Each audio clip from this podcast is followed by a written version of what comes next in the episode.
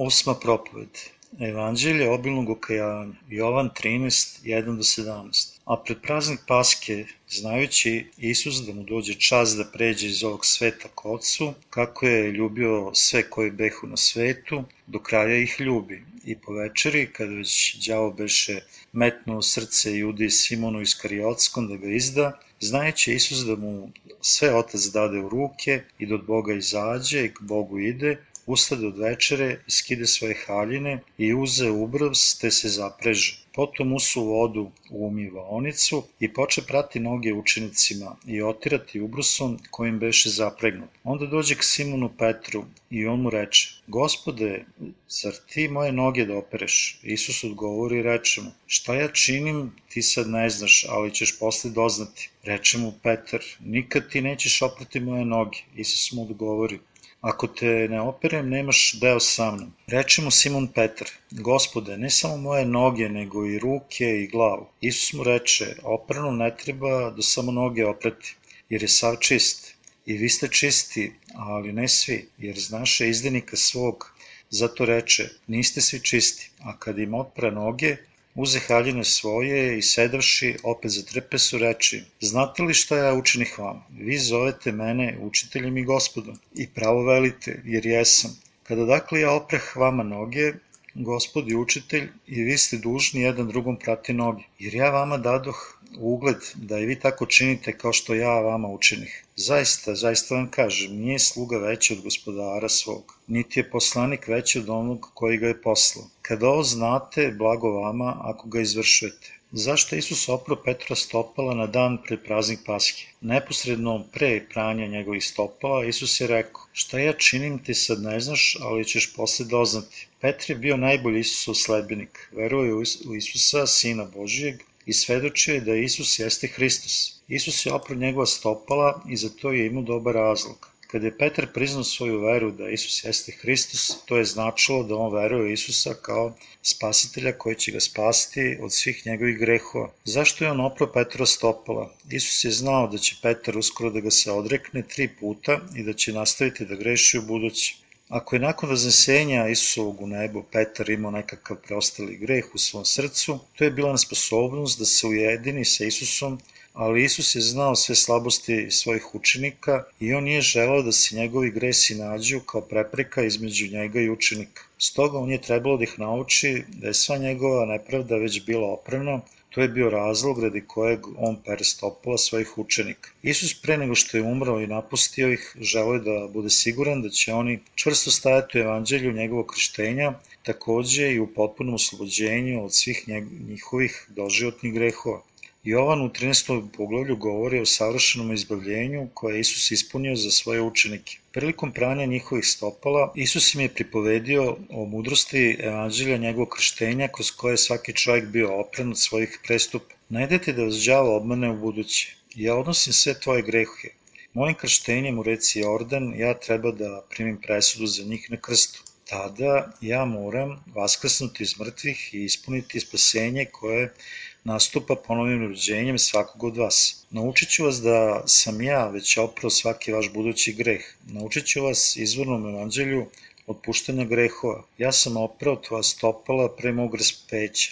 To je tajna evanđelja ponovog rođenja. Ti moraš toga u sve ovo da veruješ. Mi trebamo shvatiti da sve razloge zbog kojih je Isus oprao stopala učenicima i razumeti zašto je on rekao šta ja činim ti sada ne znaš, ali ćeš posle doznati. Samo ćemo tada moći da verujemo u evanđelje novog krštenja i iznova se roditi. On je rekao u Jovanu 13.12. Pre nego što je umro na krstu, Isus je proslavljao pasku sa svojim učenicima i uverio ih u evanđelje otpuštanja greha pranjem njihovih stopala, svojim rukama. Znajući Isus da mu sve otac dade u ruke i da od Boga izađe, i k Bogu ide. Ustade od večere i skide svoje haljine i uze ubrus te se zapreže. Potom usu vodu u umivaonicu i poče prati noge učenicima i otirati ubrusom kojim beše zapregnut. Onda dođe k Simonu Petru i on mu reče, gospode, zar ti moje noge opereš? Isus odgovori i reče mu, šta ja činim ti sad ne znaš, ali ćeš posle doznati. Jovan 13, 3 7. On je naučio svoje učenike evanđelju sa krštenjem i okajavanjem greha vodom njegovog krštenja. I to u vreme, budući veran Isusu, Petar nije bio sposoban da shvati razlog zašto gospod Isus pere njihova stopala. Nakon što je Petar zaista shvatio šta je Isus učinio za njega, način kojim je verovao u Isusa, bio izmenjen. Isus je želao da ih nauči o otpuštanju greha u evanđelju vode svetog krštenja. On je bio zabrinut da Petar možda neće biti sposoban da mu priđe zbog svojih grehova budućih, drugim rečima greha njegovog tela u budući. Isus je oprao njihova stopala tako da đavo nije mogao odneti veru učenika kasnije. Petar shvatio zašto. Isus je pripremio put tako da svako ko veruje u vodu njegovog krštenja i krv može biti izbavljen od svojih grehova zauvek. U Jovanu 13, reči koje je on izgovorio dok je prao stopala svojih učenika, takođe su zapisane. To su veoma važne reči da ih samo iznova rođeni mogu zaista razumeti. Razlog zašto Isus pere noge svojih učenika nakon pashalne gozbe bio je da im pomogne da shvate da je on već oprao sve njihove grehe za čitav život. Isus je rekao, zašto vama ja perem stopala, vi ne razumete sada, ali ćete znati posla ovoga. Ove reči upućene Petru sadrže istinu beskonačnog izbavljenja u njemu. Mi se treba da znamo i da verujemo u krštenje Isusovo, kojim je oprao sve grehe i svu rođevost. Isusovo krštenje na Jordanu bilo je evanđelje prenošenja grehova polaganjem ruku. Mi treba da verujemo u reči Isusove. On je odnao sve grehe sa sveta kroz svoje krštenje i postigo je otpuštanje greha za koje je bio osuđen i raspet. Isus je bio kršten da bi oslobodio sve ljude od njihovih greha. Otpuštanje svih naših životnih prestupa ispunjeno je krštenjem i Isusovom krvlju. Isus je to dobro znao. Nakon što je bio raspet, vaskrso i podignut u nebo. Đavo i propagatori lažne vere doći će i pokušati da obmanu učenike. Mi možemo videti po svjedočanstvu Petra, ti si Hristos, sin Boga živoga, da je on verovao u Isusa, ali dalje Isus želi da podsjeti Petra još jednom da drži evanđelje otpuštanja greha na umu. To evanđelje je bilo krštenje Isusovo kroz koje je on uzao sve grehe sa sveta. On je želao da o tome nauči Petra još jednom. Učenike i podjednako nas koji stižemo kasnije. Šta ja činim ti sada ne znaš, ali ćeš posle doznati. Kada god bi učenici Isusovi pogrešili, đavo bi ih iskušavao i osuđivao rečima, gledaj, ako i dalje činiš grehove, kako možeš reći da si bez greha? Ti nisi bio spašen, ti si najgori grešnik. Da bi zaštitio od ove vrste infekcije, Isus je rekao da je njihova vera u njegovo krštenje već oprala sve njihove životne grehe, prošle, sadašnje i buduće. Svi vi znate da sam se ja krstio, Razlog zašto sam kršten na reci Jordanu je da operem sve grehe u vašem životu kao i nasleđeni greh. Razumete li sad zašto sam kršten? Zašto sam morao da budem raspet i da umrem na krstu? Isus je svojim učenicima oprao stopala da bi im pokazao kako je uzeo sve njihove dnevne grehe po svom krštenju, tako da će mesto njih on biti osuđen na krstu. Sada ti i ja smo izbavljeni od svih svojih grehova, verom u evanđelje Isusovog krštenja i krvi koje je okajavanje svih naših greha. Isus je kršten i raspet za nas, svojim krštenjem i krvlju je opro sve naše grehe. Svako ko zna i veruje evanđelje oproštenja greha, svako ko veruje evanđelje okajanja i ko veruje u istinu, spašanje od svih njegovih njenih grehova. Šta treba da učinimo nakon što smo spašeni? Moramo priznati svoje grehe i verovati u spasenje, krštenja i krvi Hristove. Verovati u evanđelje praštanja svih grehova. U svoje srce moramo prihvatiti evanđelje koje kaže da je Isus svojim krštenjem i krvlju uzeo sve grehe. Da li ćeš opet postati grešnik ako ponovo zgrešiš? Ne, znajući da je Isus uzeo sve tvoje grehe, kako možeš biti grešnik? Hristovo krštenje i njegova krv na krstu, svako ko veruje u ovo, Izvorno evanđelje otpuštenja greha može biti iznova rođen, iznova, bez izuzetka, kao pravedna osoba. Pravednik nikad ne može postati iznova grešnik. Ako veruješ u evanđelje opraštanja greha vodom i duhom, ali i dalje se osjećaš grešnikom zbog svakodnevnih prestupa, tada moraš otići na reku Jordan, gde je Isus bio kršten da preuzme sve tvoje grehe. Ako si postao grešnik iznova nakon što si primio oproštenje od greha, Isus bi morao ponovo da se krsti uvek iznova. Moraš da veruješ u oproštenje grehova, u evanđelje Hristovo krštenje.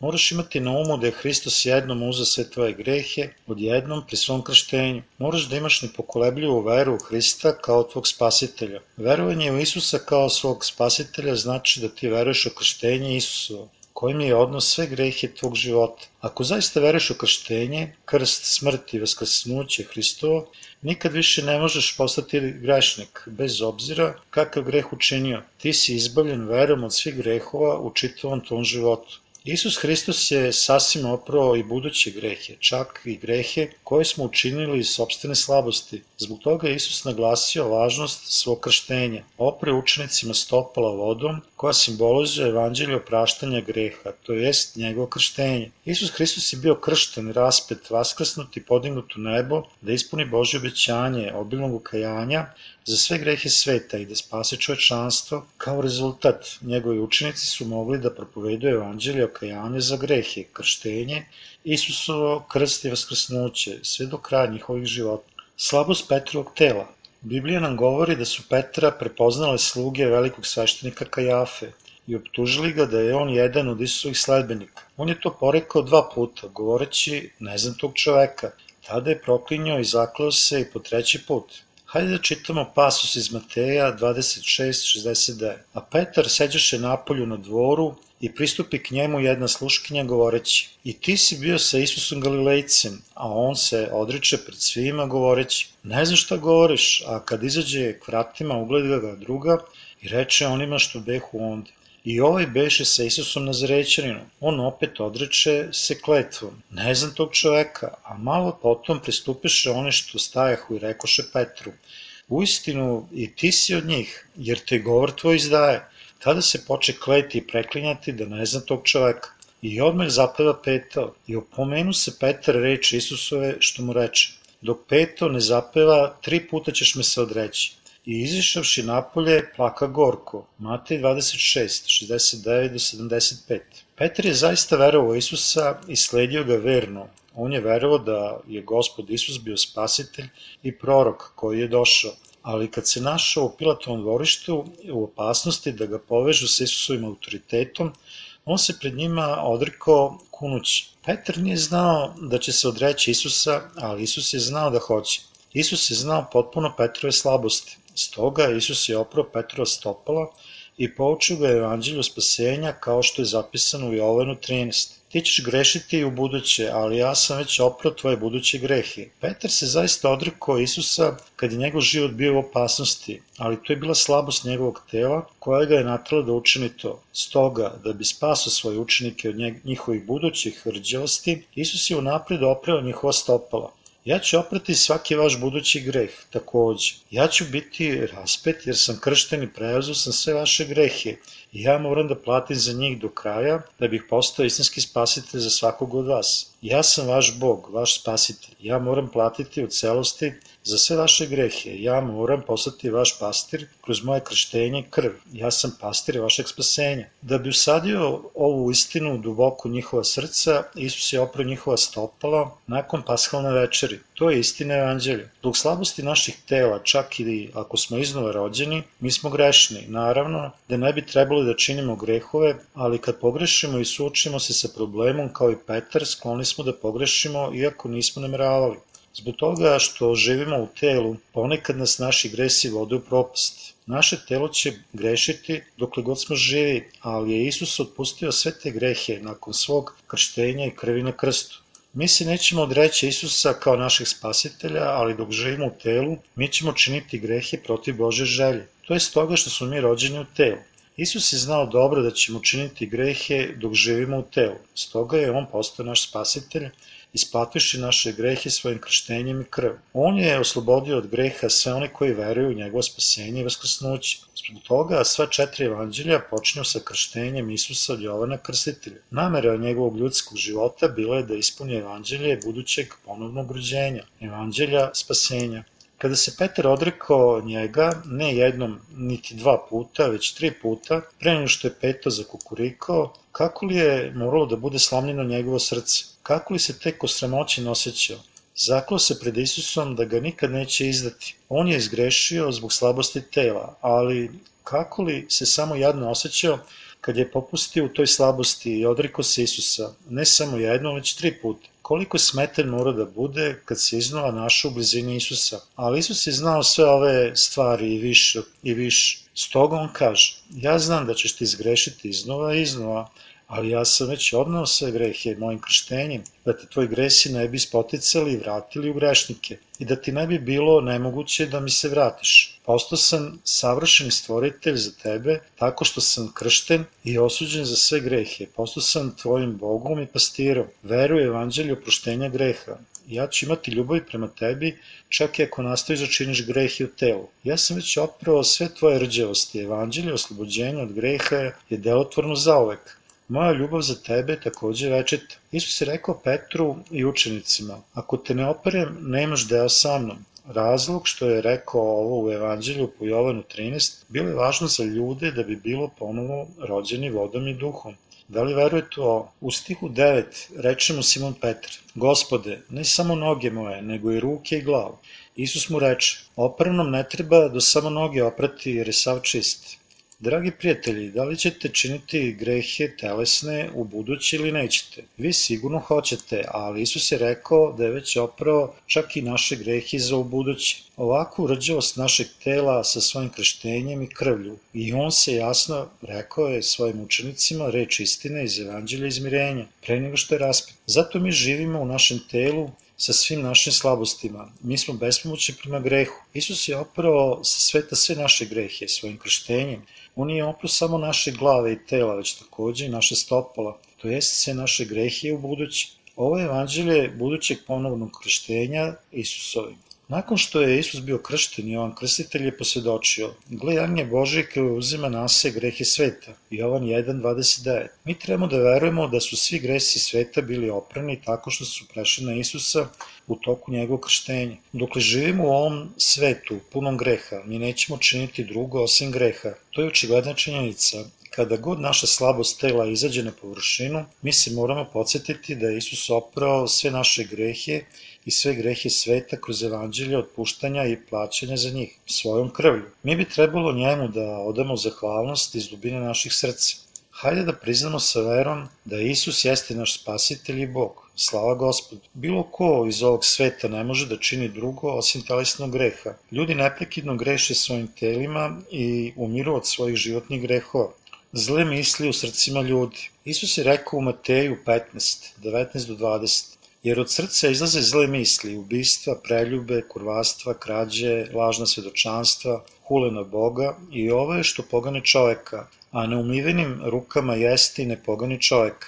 Zbog različitih vrsta greha u srcu, neke osobe uprljane su on, ona i tako su nečisti. Trebamo prepoznati svoju ličnu zlu prirodu. Mi moramo da budemo sposobni da kažemo, tih 12 vrsta greha je u srcima svih ljudi. Ja imam sve vrste u mom srcu. Ja imam 12 vrsta grehova unutar sebe, to je zapisano u Bibliji. Pre nego što smo rođeni iznova vodom i duhom, mi moramo da prihvatimo da su prvobitni gresi u našem srcu. Mi moramo upoznati samo potpuno, da smo potpuni grešnici pred Bogom, ali mi obično ne činimo, činimo to. Mnogi od nas imaju izgovor za grehe i kažu, ja nikad nisam imao takve misli u mom srcu, ja sam bio samo za trenutak da povedem pogrešnim putem.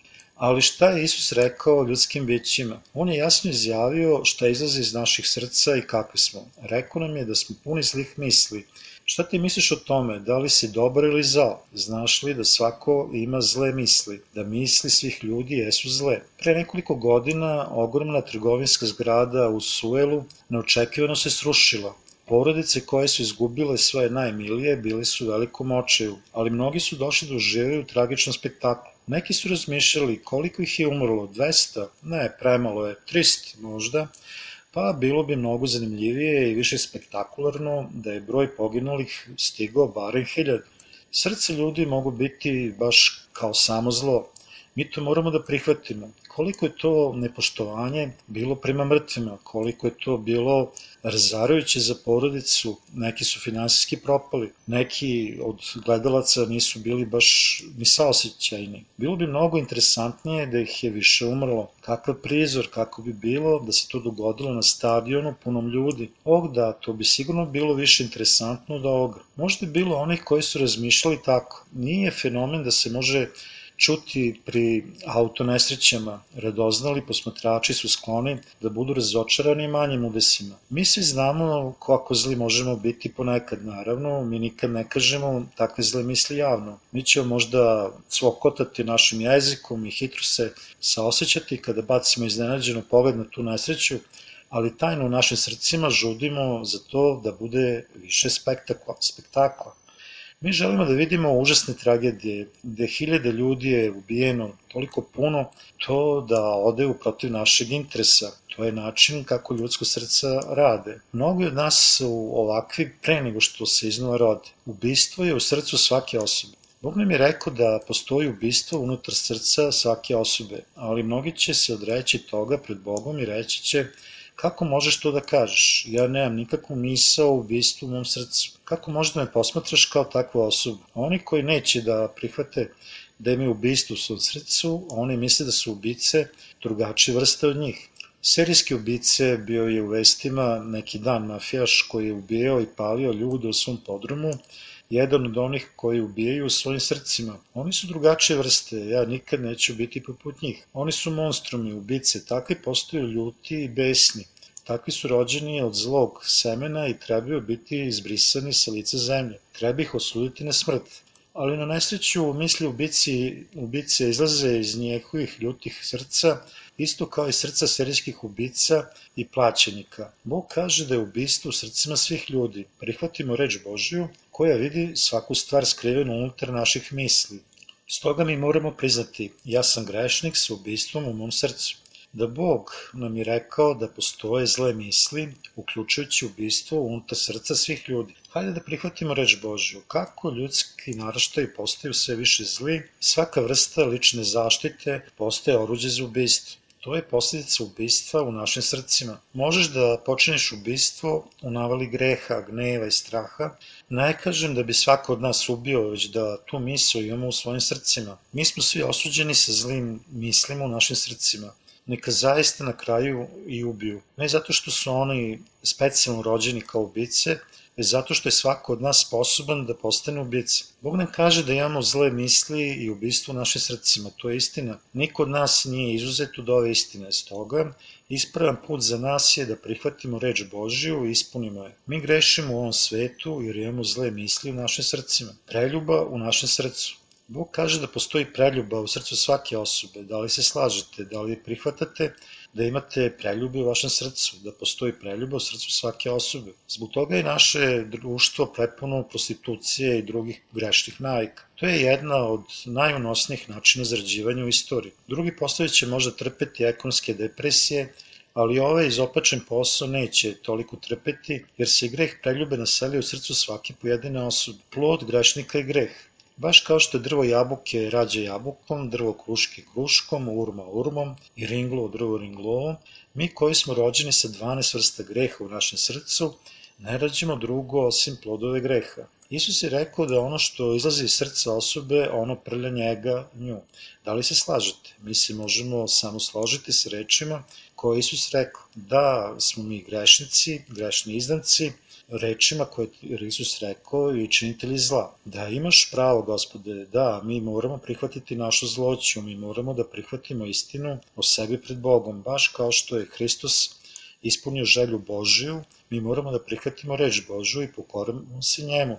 Jedini put koji mi možemo biti spašeni od svih greha je kroz vodu i duh. Ovo su darovi od Boga. Moja zemlja je blagoslovena sa četiri predivne godišnje doba. Kako doba nastupaju, različita vrsta drveća rađaju svoje plodove. U svakom slučaju 12 grehova u našim srcima drže se u nama i neprestano nas vode grehu. Danas to će možda biti ubistvo u srcu, sutra možda preljuba, zatim sledeći dan zle misli, zatim nečistota, krađa, lažno svedočenje i tako dalje. Mi činimo grehe tokom cele godine, svakog meseca, svakog dana, svakog sata. Ne prođe dan bez da smo učinili neku vrstu greha. Mi se zaklanjamo da ne želimo da činimo greh, ali smo bespomoćni jer smo rođeni u grehu. Da li ste ikada videli neko drveće, drvo jabuke koje je odustalo da rađe jabuke jer ne želi to? Ja ne želim da rađam jabuke, iako je to učinjeno u mislima, odbacivanje se, ali donosi rod. Da li je moguće da ne rodi jabuke?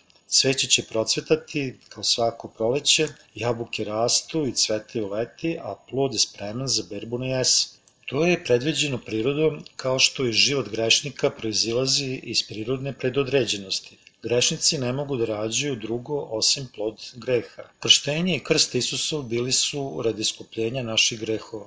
Hajde da čitamo pasuse iz Biblije, da bi pronašli kako grešnici, leglo zmijsko, mogu okajati svoje grehe pred Bogom i živeti svoje živote u sreći. To je evanđelje okajavanja greha. U Levitima 4 rečeno je A koliko iz prostog naroda zgreši nehotice i učini šta god što je gospod zabranio da se ne čini, te skrnavi kad dozna za greh svoj koji je učinio, tada neka dovede na žrtvu jare žensko, zdravo, za greh koji je učinio. I neka metne ruku svoju na glavu žrtvi za greh i neka sveštenik zakolje na mestu gde se kolje žrtva paljenica. I neka uzme sveštenik krvi od nje na prst svoj i pomaže rogove oltaru na kome se pali žrtva. A ostalu krv su neka izluje na podnoži oltara i sve salo iz nje neka izvodi kao što se vadi salo iz žrtve zahvalne i neka ga zapali sveštenik na oltaru za ugodni miris gospodu, a tako će ga očistiti od greha sveštenik i oprostit će mu se. Levitski zakonik, 3. Mojsija, 4. glava, 27 do 31. U toku dana iz Starog Zaveta, kako su ljudi mogli da okajaju svoje grehove? Oni su najpre polagali svoje ruke na glavu žrtve, ne ponude za greh, i prinosili su grehe na nju. To je zapisano u Levitskom zakonu. Kad ko između vas hoće da prenese gospodu žrtvu od stoke, prinesite žrtvu svoju od goveda ili od ovaca ili koza, Ako mu je žrtva paljenica od goveda, neka prinese muško zdravo na vrata šatora od sastanka, neka prinese drage volje pred gospodu i neka metne ruku svoju na glavu žrtvi paljenici i primit će mu se i očistit će se od greha. Levitski zakon 1, 2 do 4. Kada bi neka osoba iz ovog doba prepoznala greh u svom srcu, ona bi pripremala ponudu za greh koja će se uzeti za okajavanje greha.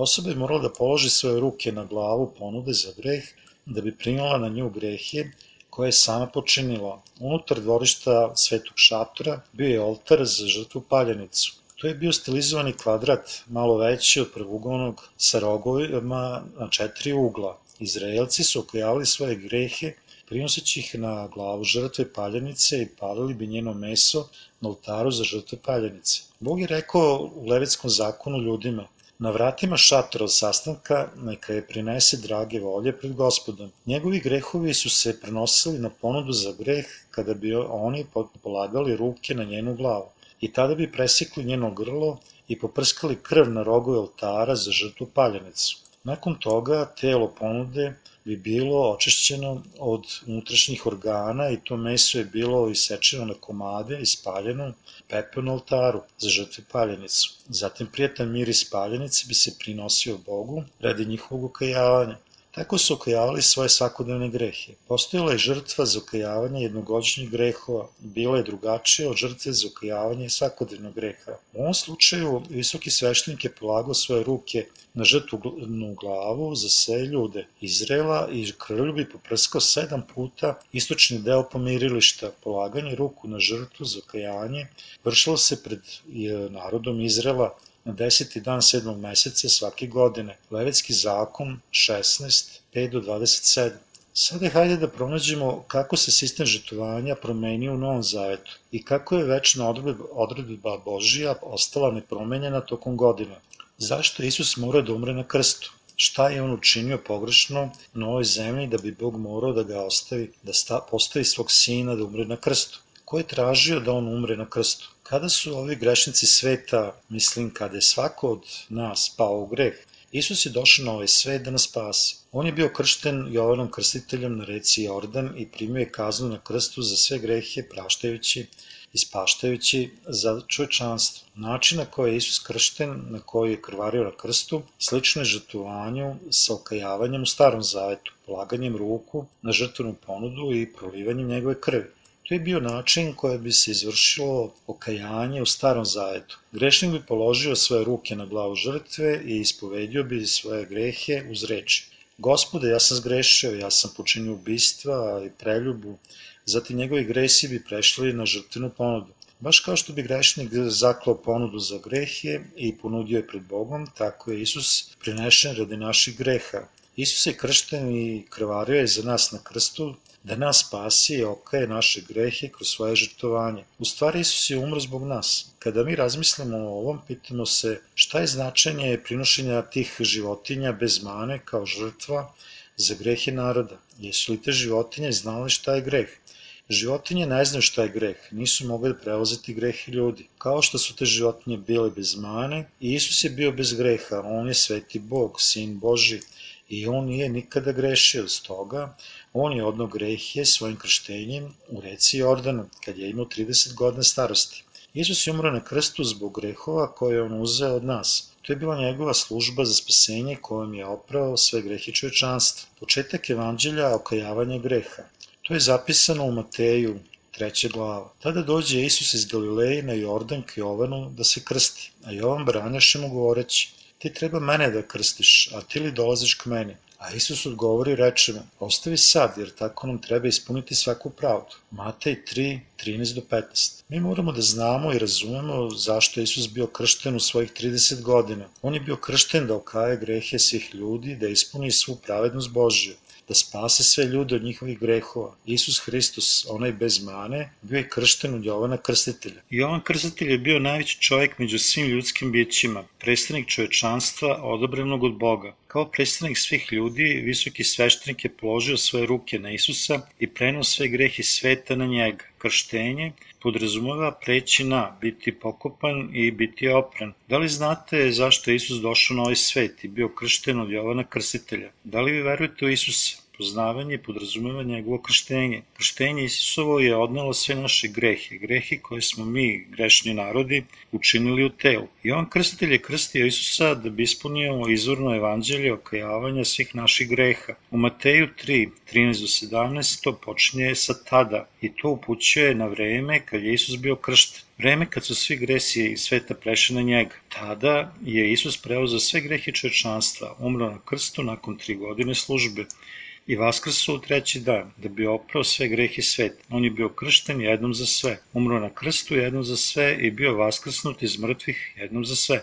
Za one koji žele da budu izbavljeni od svojih grehova pred Bogom, on je odnos sve grehe sveta i spasio ih jednom za uvek. Zašto Isus morao da bude kršten? Zašto su morali da mu stave trnovu krunu na glavu i osude ga pred Pilatom kao običnog razbenika? Zašto je bio raspet na krstu i krvario do smrti? Razlog ovih pitanja leže u činjenici da je uzeo sve grehe sveta, to je i moje, svojim krštenjem. Zbog naših grehova je morao da umre na krstu. Moramo verovati u reč spasenja, da nas je Bog spasao i da zato zahvalimo njemu. Bez krštenja Isusovog, njegovog krsta i njegovog vaskrsenja ne bi postalo spasenje za nas. Kada je on krstitelj krstio Isusa da preuzme sve grehe sveta, on je to učinio i time spasao nas, koji verujemo u njegove evanđelje spasenje. Postoje ljudi koji misle, Isus je odnao prvobitni greh, zar nije to on učinio?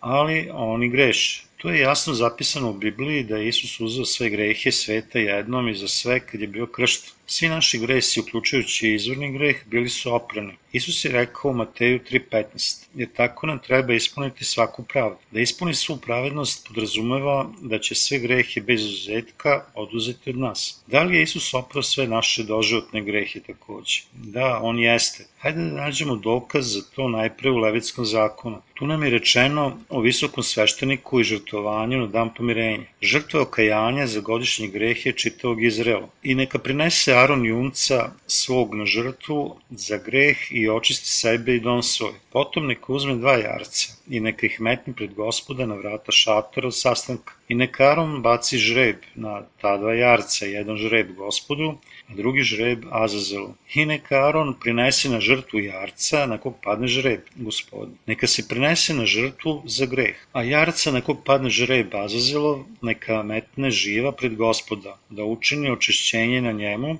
pa ne ga pusti u pustinju Azazelu. Levitski zakon 3. Mojsijeva 16. glava 6 do 10. Ovde Aron uzima dva jarca na ulazu u šator da bi prinao žrtvu za okajanje jednogodišnjeg greha Izrela. Aron baci žreb za ta dva jarca, jedan žreb gospodu, a drugi žreb Azazovu. Žrtvena životinja je bila neophodna za zakonito okajanje dnevnih grehova radi prelaska greha sa grešnika na žrtvu, polaganjem njegovih ruku na ponudu. Ali za jednogodišnje grehe Izraela, visoki sveštenik u ime sveg naroda prenose jednogodišnje grehe na žrtvenu ponudu 10. dana 7. meseca svake godine. U Levitskom zakoniku 16, 29 do 31 je zapisano I ovo neka vam bude večna uredba. Deseti dan sedmog meseca mučite duše svoje i ne radite nikakva posla, ni domorodac, ni došljak koji je među vama, jer u taj dan biva očišćenje za vas, da se očistite, bit ćete očišćeni od svih greha svojih pred gospodom. To neka vam je počivanje subotno, i mučite duše svoje po uredbama večnoj. Levitski zakon, 3. Mojsijeva, 6. glava, 29, 31. U starom zavetu ljudi Izraela uzimali su ponudu za grehe da bi okajavali svoje dnevne grehe i prenali svoje grehe na glavu žrtvene životinje govoreći Gospode, ja sam počinio takav i takav greh molim to prosti mi. Tada bi prerezali grlo žrtvenoj životinji, dali krv svešteniku i otišli kućama uvereni da su sada slobodni od svojih greha. Žrtva pokojnica je umrla umesto grešnika sa grehom na svojoj glavi. Žrtvovana životinja bila je ubijena umesto grešnika. U starom zavetu žrtva za okojavanje je mogla biti jarac i une govedo, sve posvećene životinje koje je Bog odabrao. Bog u svojoj neograničenoj milosti dozvolio je da neki životinski život bude ponuđen umesto da grešnik umre za njegove, njene grehe. Na taj način u starom zavetu grešnici su morali da okaju svoje grehe kroz žrtvenu ponudu. Prestupni grešnika su prinošeni na žrtvenu ponudu polaganjem ruku i njihova krv je bila data svešteniku da otpusti grehe od grešnika. Međutim, bilo je nemoguće prinositi žrtve za pokajanje svakog dana. Kao rezultat, Bog je dozvolio visokom svešteniku da otpušta grehe za čitavu godinu. Svake godine na deseti dan sedmog meseca u ime svog naroda Izraela. Koja je bila uloga visokog sveštenika na dan izmirenja? Najpre Aaron, visoki sveštenik, polagoje ruke na žrtvenu ponudu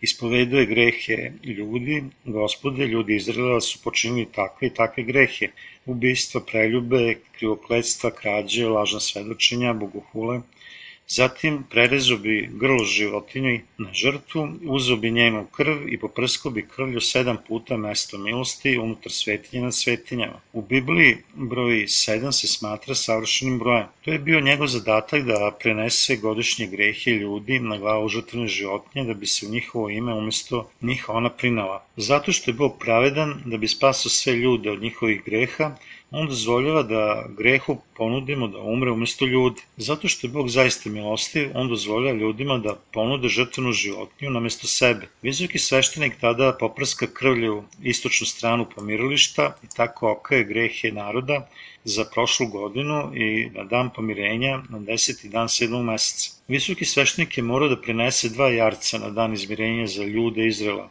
Jedan od njih bio je namenjen Azazelu koji je bio izveden napolje na isti način. Jarac Novog Zaveta je Isus Hrist, jer Bogu tako omile svet da je i Sina svog jedinorodnog dao da nijedan koji ga veruje ne pogine, nego da ima život večni. Jovan 3.16 Bog mi je dao svog jedinorođenog Sina kao žrtveno jagnje za svo čovečanstvo On je bio kršten Jovanom krstiteljem i postao spasitelj, Mesija svet. Isus znači spasitelj, a Hristos znači oponomoćeni kralj. Tako Isus Hristos znači sin Boži koji dođe da nas sve spase. Baš kao što su godišnji gresi naroda okajavani na dan po izmirenja u starom zavetu, Isus Hristos pre više od 2000 godina dolazi na ovaj svet da bi bio kršten i da iskrvari do smrti na krstu, da bi ispunio evanđelje okajanja za sve naše grehe. Povodom toga, hajde da pročitamo pasus iz Levijskog zakona. I metnuši Aron obe ruke svoje na glavu jarcu živom, neka ispovede nad njim sva bezakonja sinova Izraeljevih i sve prestupe njihove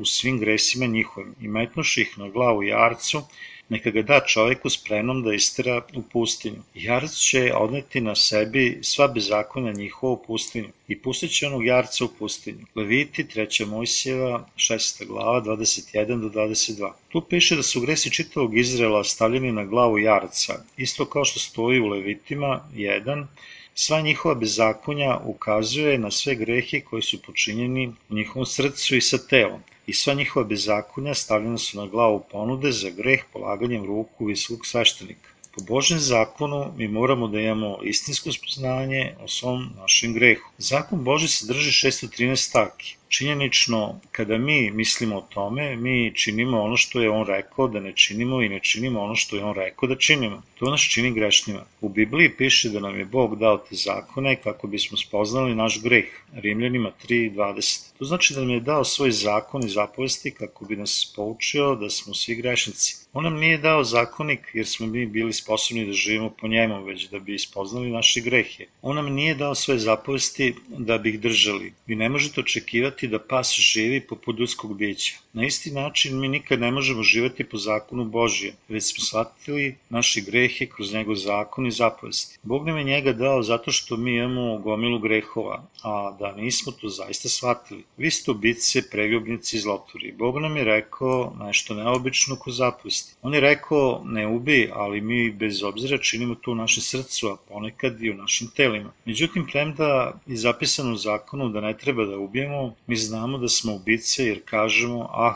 pogrešio sam, ja sam grešnik zato što sam učinio nešto što nije trebalo, ja sam zgrešio. Da bi spasao ljude Izrela od greha, Bog je dozvolio Aranu da prinosi žrtve za okajavanje u starom zavetu. I Aron je okajavao narod jednom godišnje.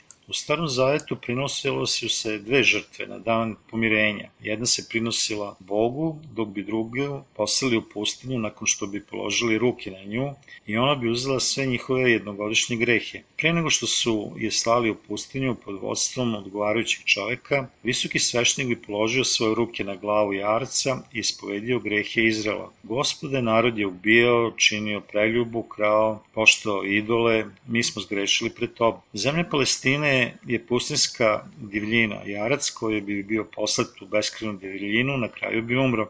Dok bi Jarac odlazio u pustinju, Izraelci su posmatrali njegov odlazak dok se ne izgubi u daljini i verovali bi da su svi gresi otišli s Jarca. Ljudi bi stoga stekli mir u srcu i Jarac bi umro u divljini za godišnje grehe svih ljudi. Na ovaj način Bog je okajao sve naše grehe kroz jagnje Bože, Isusa Hristosa. Svi naši gresi su potpuno oprani kroz krštenje Isusovu i njegovu krv na krstu. Isus je Bog i naš spasitelj. On je sin Boži koji je došao da spase svo čovečanstvo od greha. On je stvaralac koji nas je načinio po svojoj slici i došao je dole na ovaj svet da nas spase od greha. Ne samo za dnevne grehe koje smo počinili u našim telom, koji su prešli na Isusa, već takođe svi naši budući gresi gresi našeg srca i tela. Stoga njega je krstio Jovan Krstitelj da ispuni svu pravednost Božiju. Potpuno je okajao sve naše grehe u svet. Tri godine pre nego što je Isus bio raspet, započeo svoju javnu službu tako što je uzao sve grehe sveta kroz svoje krštenje od strane Jovana Krstitelja u reci Jordanu.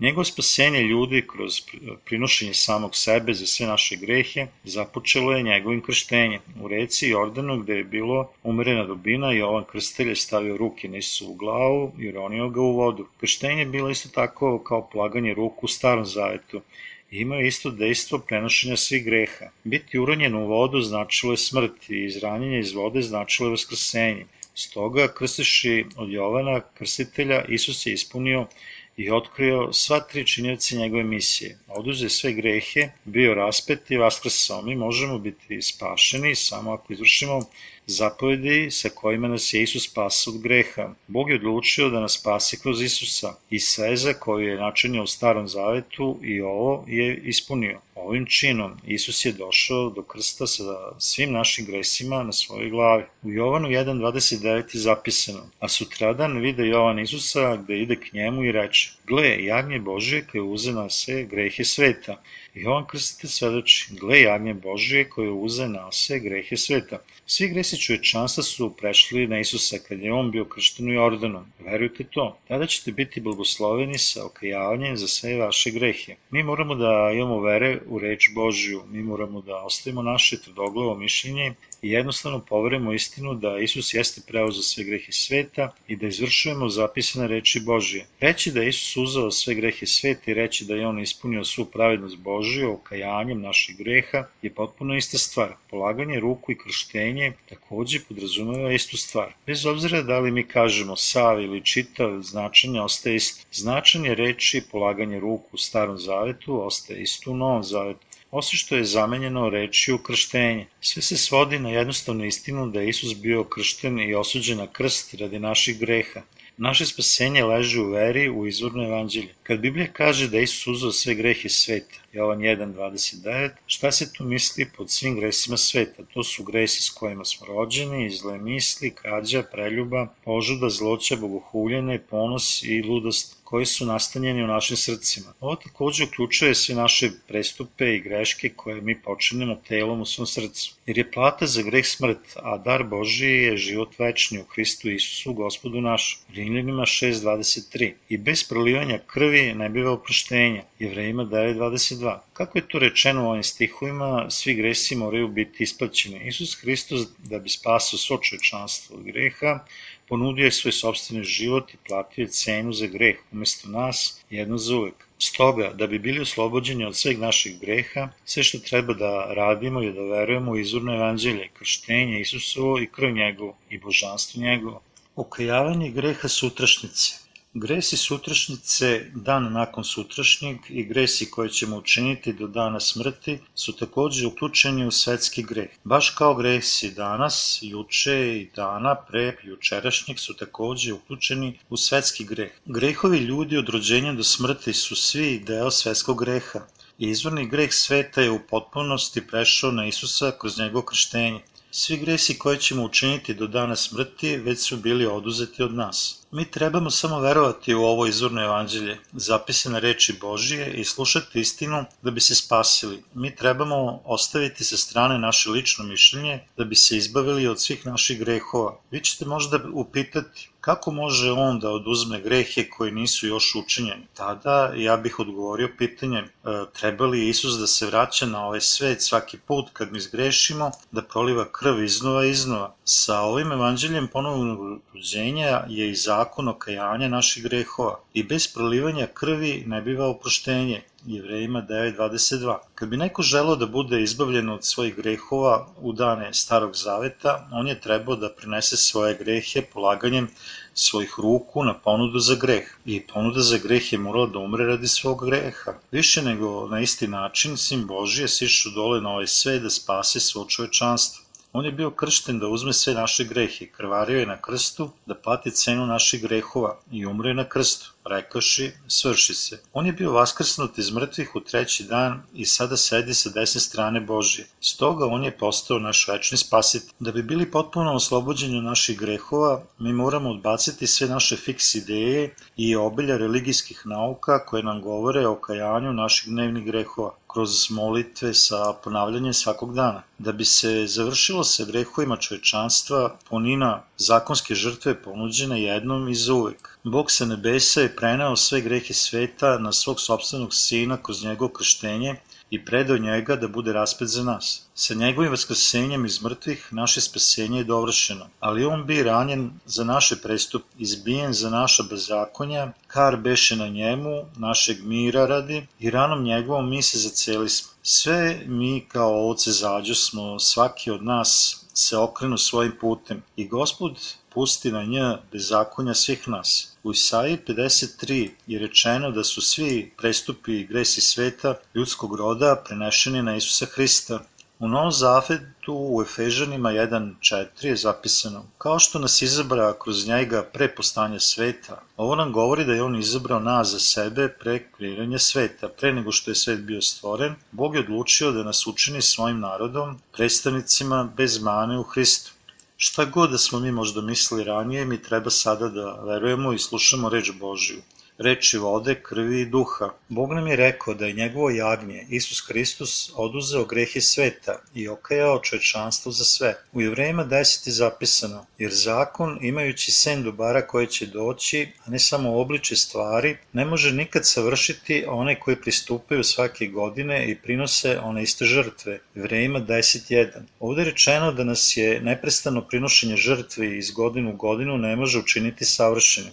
Zakon je senka budućih dobara, a ne suština stvarnosti. Isus Hristos, Mesija koji je došao, učinio nas je savršene jednom za uvek. Kao što su godišnji gresi Izraelaca bili puštanjem jednom za čitavu godinu, tako je krštenje i raspećem čime je okajao sve naše grehe. Prema tome, Isus je rekao jevrejima 10. Tada reče, dođu da učinim volju Tvoju Bože, ukida prvo da postavi drugo, po kojoj smo volje mi osvećeni prinosom tela Isusa Hrista jedno. I svaki sveštenik stoji svaki dan služeći jedne žrtve mnogo puta, prinoseći koje nikad ne mogu uzeti grehe, a on je prinosaš jednu žrtvu za greh, sedi svakda s desne strane Bogu, čekajući dalje dok se ne polože neprijatelji njegovi za podnože nogama njegovim. Jer jednom prinosen savršeno je uvek za one koji bivaju osvećeni a svedoči nam i Duh Sveti, jer kao što je napred kazano, ovo je zavet koji će učiniti sa njima posle ovih dana, govori Gospod, da će zakone svoje u srce njihova i u mislima njihovim napisat ću ih, i grehe njihove i bez zakona njihova neću više spominjati.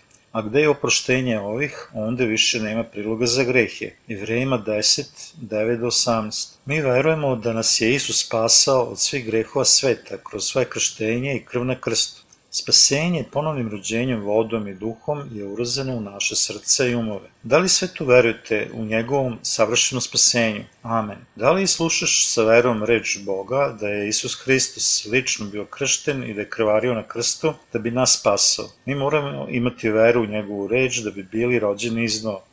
Mi možemo da budemo spašeni kada verujemo da je Isus Hristos kroz evanđelje oslobođenja oprao sve naše grehe sa gresima sveta. Mi nikad nećemo postati bezgrešni poštujući zakon Boži, ali ćemo postati savršeni kroz veru u njegovo delo. Isus Hristos je odnao sve naše grehe svojim krštenjem u Jordanu podneo osudu i bio kažen na krstu za sve naše grehe. Verom ovo evanđelje, svim svojim srcem mi možemo biti izbavljeni od svih naših grehova postajući pravedni. Da li verujete ovo? Krštenje Isusovo, njegovo raspeće i vaskasenje je za otpuštanje svih greha čovečanstva i zakon je spas, spas, Krštenje Isusovo, njegovo raspeće i vaskrsenje je za otpuštanje svih greha čovečanstva i zakon je spasenja zasnovan na beskonačnoj i bezuslovnoj ljubavi Božoj. Bog nas voli kakvi jesmo i On je pravedan, stoga On nas čini najpre pravednima.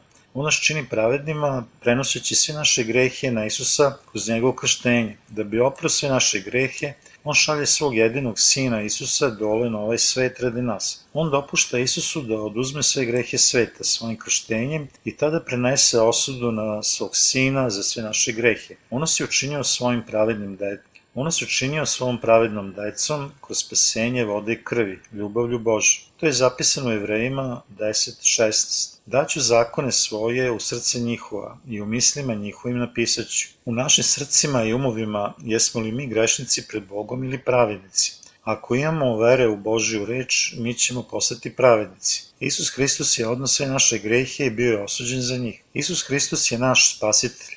Vi možda mislite kada grešimo svaki dan kako možemo biti pravedni. Mi smo potpuni grešnici, ali kad verujemo u reč Božiju, baš kao Isus Hristos što je slušao Oca, mi postajemo pravednici. Naravno, ko što sam ranije rekao, mi imamo greha u našim srcima pre nego što se rodimo iznova. Nakon što prihvatimo izbavljenje od greha u naše srca, mi smo spašeni od svih naših grehova. Kada mi ne znamo za evanđelje, mi jesmo grešnici, ali mi postajemo pravednici kad počnemo da verujemo u spasenje Isusovu i postajemo pravedna deca Božja. To je vera kojom postajemo pravednici o kojoj je apostol Pavle govorio. Vera u evanđelje izbavljenja nas čini pravednima. Niti apostol Pavle, niti Avram, niti ni preci u veri nisu postali pravedni svojim delima, već verom u reč Božju. Reči njegovog blagoslova za opuštanje greha. U Evrejima 10.18. A gde je opraštanje ovih, onda više nema priloga za grehe. Baš kao što je zapisano, Bog nas je spasao, stoga mi možemo da ne stradamo za naše grehe. Da li vi verujete u ovo? Amen. U Filipljanima 2. Jer ovo da se misli među vama, šta je u Hristu Isusu, koji ako je bio u obliču Božijem, nije se otimao da se uporedi sa Bogom, nego je ponizio sam sebe uzaši obliče sluge, postaši kao drugi ljudi i na oči nađe se kao čovjek. Ponizio sam sebe postaši poslušan do smrti, a smrti krstove. Zato i Bog njega povisi i darova mu ime koje je veće od svakog imena, da se u ime Isusovo pokloni svako koleno onih koji se na, na nebu, da se u ime Hristovo pokloni svako koleno onih koji su na nebu i na zemlji i pod zemljom i svaki jezik da prizna da je Gospod Isus Hristos na slavu Boga Oca. Filipljanima 2, 5 do 11. Isus Hristos koji je sjaj njegove slave i tačan prikaz njegove prirode, Jevrejima 1.3, nije se bavio veličinom svog ličnog ugleda. On je uzeo osobine sluge u ljudskom obliku, ponizuje sebe i postao poslušan do smrti da bi spasao nas. Stoga mi slavimo Isusa. On je naš Bog, spasitelj i kralj. Razlog zašto mi slavimo Boga i veličimo Isusa je što Isus sluša želju svog oca do kraja. Da on nije poslušao, mi ne bi proslavljali Sina Božih sada, ali zato što je Sin Boži slušao želju svog oca do same smrti, sva kreacija i svi ljudi na ovoj zemlji proslavljaju njega i činit će to zauvek. Isus Hristos je postao jagnjem Božije koje je odnulo grehe sveta i to je zapisano da ih je on uzeo kroz svoje krštenje. Sada je oko 2000 godina prošlo od kada je on poneo greh sveta. Ti i ja živjeli smo u ovom svetu od našeg rođenja i svi naši gresi su takođe uključeni u grehe sveta. Bez razdvajanja izvornog greha od naših ličnih život prestupa, jesmo li mi zgrešili od vremena kada smo se rodili? Da, jesmo. Isus je znao da ćemo zgrešiti od trenutka rođenja do smrti. Stoga on je odneo sve naše grehe u napred. Da li vi to sad razumete? Ako bi mi živjeli do 70 godina, naši gresi bi napunili više od stotinu kamiona za džubre. Ali Isus je odnao sve naše grehe odjednom svojim krštenjem i prineo ih na krst sa sobom. Da Isus odnao samo izvorni greh, mi bi svi umrli i otišli u pakao. Isto je kako nam se čini da on nije mogao da odnese sve naše grehe. To nikad neće promeniti činjenicu da je Isus iscrpeo napolje sve naše grehe. Koliko puno greha možemo da počinimo na ovom svetu? Svi gresi koji činimo uključeni su u grehe sveta. Kada je Isus rekao Jovanu da ga krsti, to je bilo tačno ono što misli. Isus je svedočio lično da je on oduzeo sve naše grehe. Bog je poslao njegovog slugu pre Isusa i taj je krstio Isusa. Bio je kršten Jovanom, predstavnikom čančanstva, pognuo je svoju glavu pred njim da bi se krstio. Isus je preuzeo sve grehe od svih ljudskih bića. Svi naši gresi u dobu života od 20 do 30, 30, 40 i tako dalje Čak i oni gresi koji su naše dece uvršteni su u grehe sveta i njih je Isus uzeo svojim krštenjem. Ko može reći da ovi gresi ostaju na svetu? Isus Hristos je odnao sve grehe sveta i mi svi možemo biti spašeni kad verujemo u svojim srcima, bez sumnje u ono što je Isus učinio radi naše greha, njegovo krštenje i prolivanje njegove dragocene krvi. Većina ljudi živi svoje užurbane živote i uvijeni su u sobstvene misli i govore o svojim životima kao da su oni najvažniji, ali mnogo je onih koji vode težak život, mnogo je ljudi koji žive užurbane živote i takođe žive kao što su živjeli pre ponovnog rođenja. Kako vi ne možete shvatiti ili prihvatiti evanđelsko zbavljenje, krštenja Isusovu i njegovu krv. Spasenje grešnika je dovršeno. Hajde da pročitamo Jovana 19. i noseći krst svoj izađe na mesto koje se zove Kosturnica, a jevrski Golgota. Onda ga raspeše i s njim drugu dvojicu s jedne i s druge strane, a Isusa u sredini. Pilat pak napisa natpis i metnu na krst i beše napisano Isus Nazarećanin, car judejski. I oni natpis čitaše mnogi od jevreja, jer mesto beše blizu grada gde raspeše Isusa i beše napisano i jevrejski, grčki i latinski. Jovan 19. glava 17 do 20. Dragi prijatelji, Isus Hristos je odno sve grehi sveta i bio osuđen na raspeće Pilatovom presudom. Sada hajde da razmislimo o tome događaju zajedno. Od stiha 28. Potom znajući Isus da se već sve svrši, da se zbude pismo, Isus je uzo sve naše grehe da ispuni pismo, reče žedan sam. Onda stajaše sud pun ocata i oni napuniše sunđer ocatom i nataknuši na trsku prinesuše ustima njegovim. A kad primi Isus ocat reče, svrši se i priklonivši glavu predade duh. Jovan 19. glava 28 do 30. Isus je rekao svrši se i tada je umro na krstu u treći dan. On je bio vaskrsnut iz mrtvih, a kasnije se vaznao na nebo. Krštenje Isusovo od Jovana Krstitelja i njegova smrt na krstu su neophodna veza sa drugim Hajde da slavimo gospoda, Isusa koji nas spase sa svojim evanđeljem izbavljenja. Telo ljudi od uvek sledi potrebe tela, stoga mu ne možemo činiti drugo osim telesnog greha. Isus Hristos nam je dao svoje krštenje i krv da bi nas spasao telesnog greha svojim krštenjem. Oni koji su potpuno oslobođeni od greha mogu da uđu u carstvo nebesko u svako doba putem vere u Isusa, koji je bio rođen u Vitlemu, bio kršten u Jordanu, umro na krstu i bio vaskrsnut u treći dan. Mi hvalimo gospoda i slavimo njegovo ime za uvek. U poslednjem poglavlju Jovana Isus je otišao u Galileju nakon što je bio vaskrsnut iz mrtvih. On je došao do Petra i rekao mu, Simone, sine Ionin, da li me voliš više od ovih? A Petar mu odgovori, da gospode, ti znaš da ja te ja volim. Tada mu Isus reče, napasaj moje jagance. Petar je shvatio sve da je evanđelje Isu krštenja i njegove krvi izbolja od greha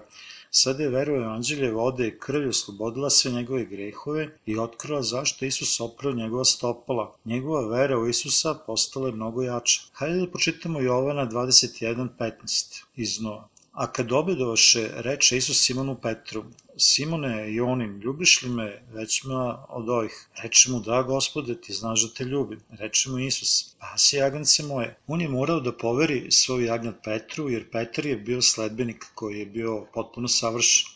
I zato je Petar postao pravednik i savršeni sluga Boži. Da je Petar postao grešnik iznova putem svojih dnevnih grehova, Isus mu ne bi rekao da propovede evanđelje izbavljenja od greha, jer on, uključujući i ostale učenike, ne bi učinio drugo osim telesnih grehova. Svejedno Isus mu rekao da propovede evanđelje da bi izbavio sve njihove grehe, jer su oni poverovali u krštenje Isusa i njegovu krv na krstu, u evanđelje okajavanja greha. Gospode, ti znaš da te volim. Hajde da razmislimo rečima Isusovim upućenim Petru. Simone i onim, ljubiš li me većima nego ovaj? Da, gospode, ti znaš da te ljubim. Njegovo priznanje ljubavi je istina, proizašlo je iz veru u evanđelja proštenja svih greha. Da Isus nije poučio Petra i ostale učenike u evanđelju otpuštanja greha pranjem njegovih stopala, oni ne bi bili sposobni da priznaju svoju ljubav na ovaj način. Drugačije, kad je Isus došao do njih i pitao, da li me voliš više od ovih? Petar bi rekao, gospode, ja sam jedna nepotpuna osoba, ja sam grešnik koji te ne može voleti više od ovih.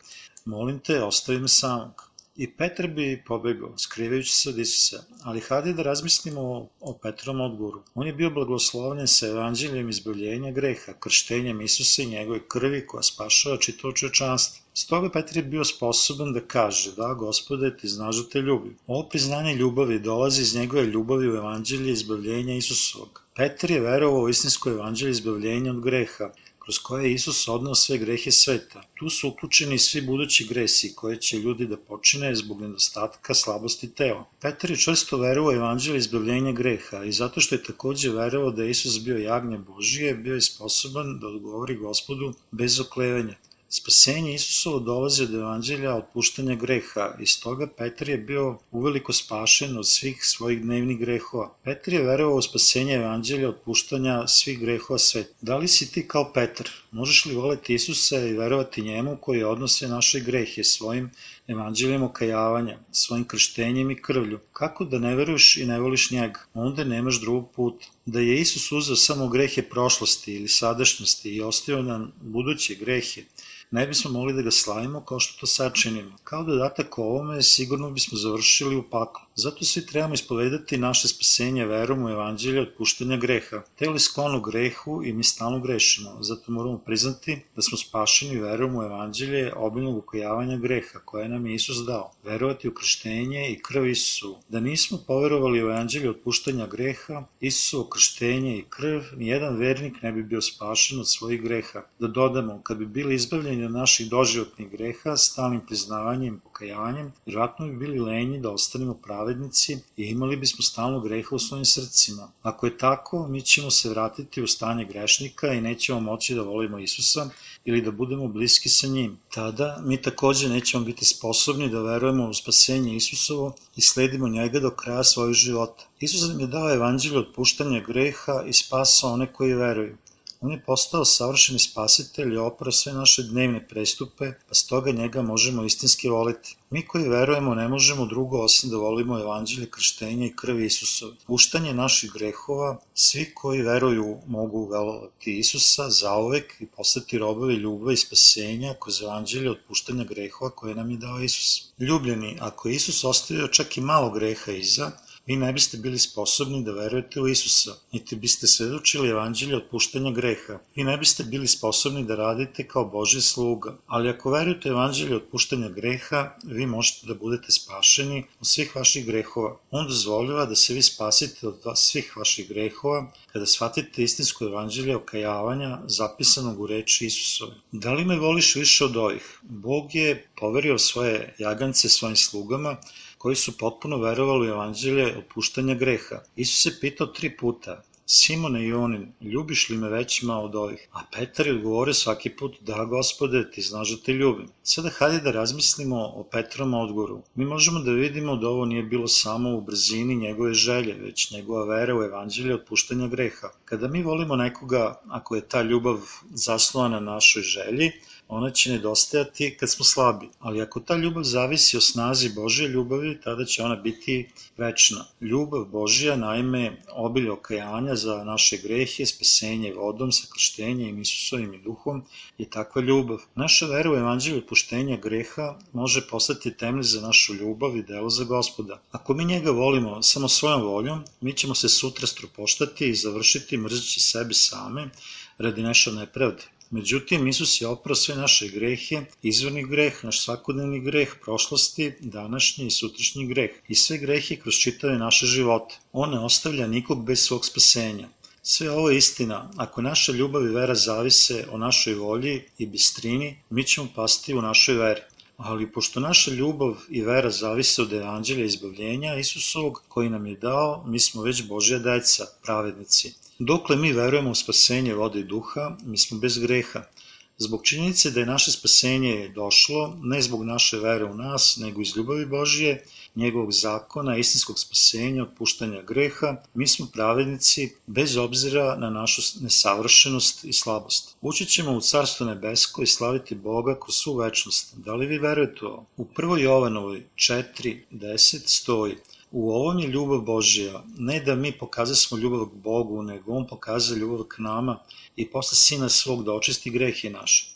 Isus nas je spasao vodom i duhom, pa bi trebalo da verujemo u evanđelje okajavanja krštenjem Isusa i njegove krvi. Da nas Bog nije spasao svojim evanđeljem i izbavljenja od greha, mi ne bi bili spašeni. Bez obzira koliko žestoko verovali, ali Isus je oprao sve grehe koje smo počinili u našim srcima i sa svojim telima. Da bi postali pravedni, mi moramo biti sigurni u svoje spasenje kroz veru, u reči, u vodu i duh. Evanđelje okajanja, evanđelje otpuštenja svih grehova sveta su deo krštenja Isusovog i njegove krvi. Evanđelje okajavanja je sadržaj istinske vere. Istina je osnova spasenja i ključ za ulazak u Carstvo Bože. Mi treba da odbacimo veru naše lične volje. Vera ili ljubav rođeni sobstvenom voljom nisu istinska ljubav niti istinska vera. Mnogi onih u ovom svetu koji napre veru u Isusa sa dobrom voljom da bi kasnije odustali od svoje vere, sve zajedno jer je mučenje sa grehom u njihovim srcima.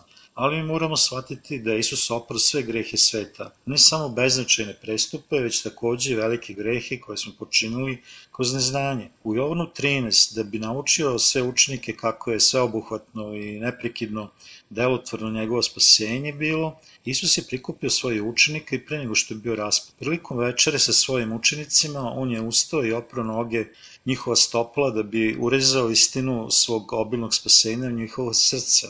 Mi svi trebamo da znamo i verujemo u evanđelju okajavanja, sa kojim je Isus naučio učenike opreši njihova stopala. Međutim, Petar je u početku čvrsto odbijao da Isus opere njegova stopala. Nećeš ti nikad da opreš moja stopala. I to je bilo izražavanje vere nastave njegovim sobstvenom željom. Ali Isus mu reče, šta ja činim ti sad ne znaš, ali ćeš posle doznati. Sada se evanđeljem vode i duha mi možemo shvatiti reč iz Biblije koje dolazi nakon našeg razumevanja. To je reč istine, evanđelja, vode i duha, opuštanja greha kojim čini da grešnik ponovo postane pravednik verom sa svim njegovim njenim srcem. Petar je lovio ribu sa ostalim učenicima, baš kao što su radili pre nego što su sreli Isusa. Tada Isus se pojavio pred njima i pozvao ih. Isus je pripremio doručak za njih i doručkovali su. Petar je shvatio značanje njegove reči koje je Isus ranije izgovorio. Šta ja činim ti sada ne znaš, ali ćeš posle doznati. On je na kraju shvatio šta je Isus mislio ranijim pranjem njegovih stopala. Gospod je oprao sve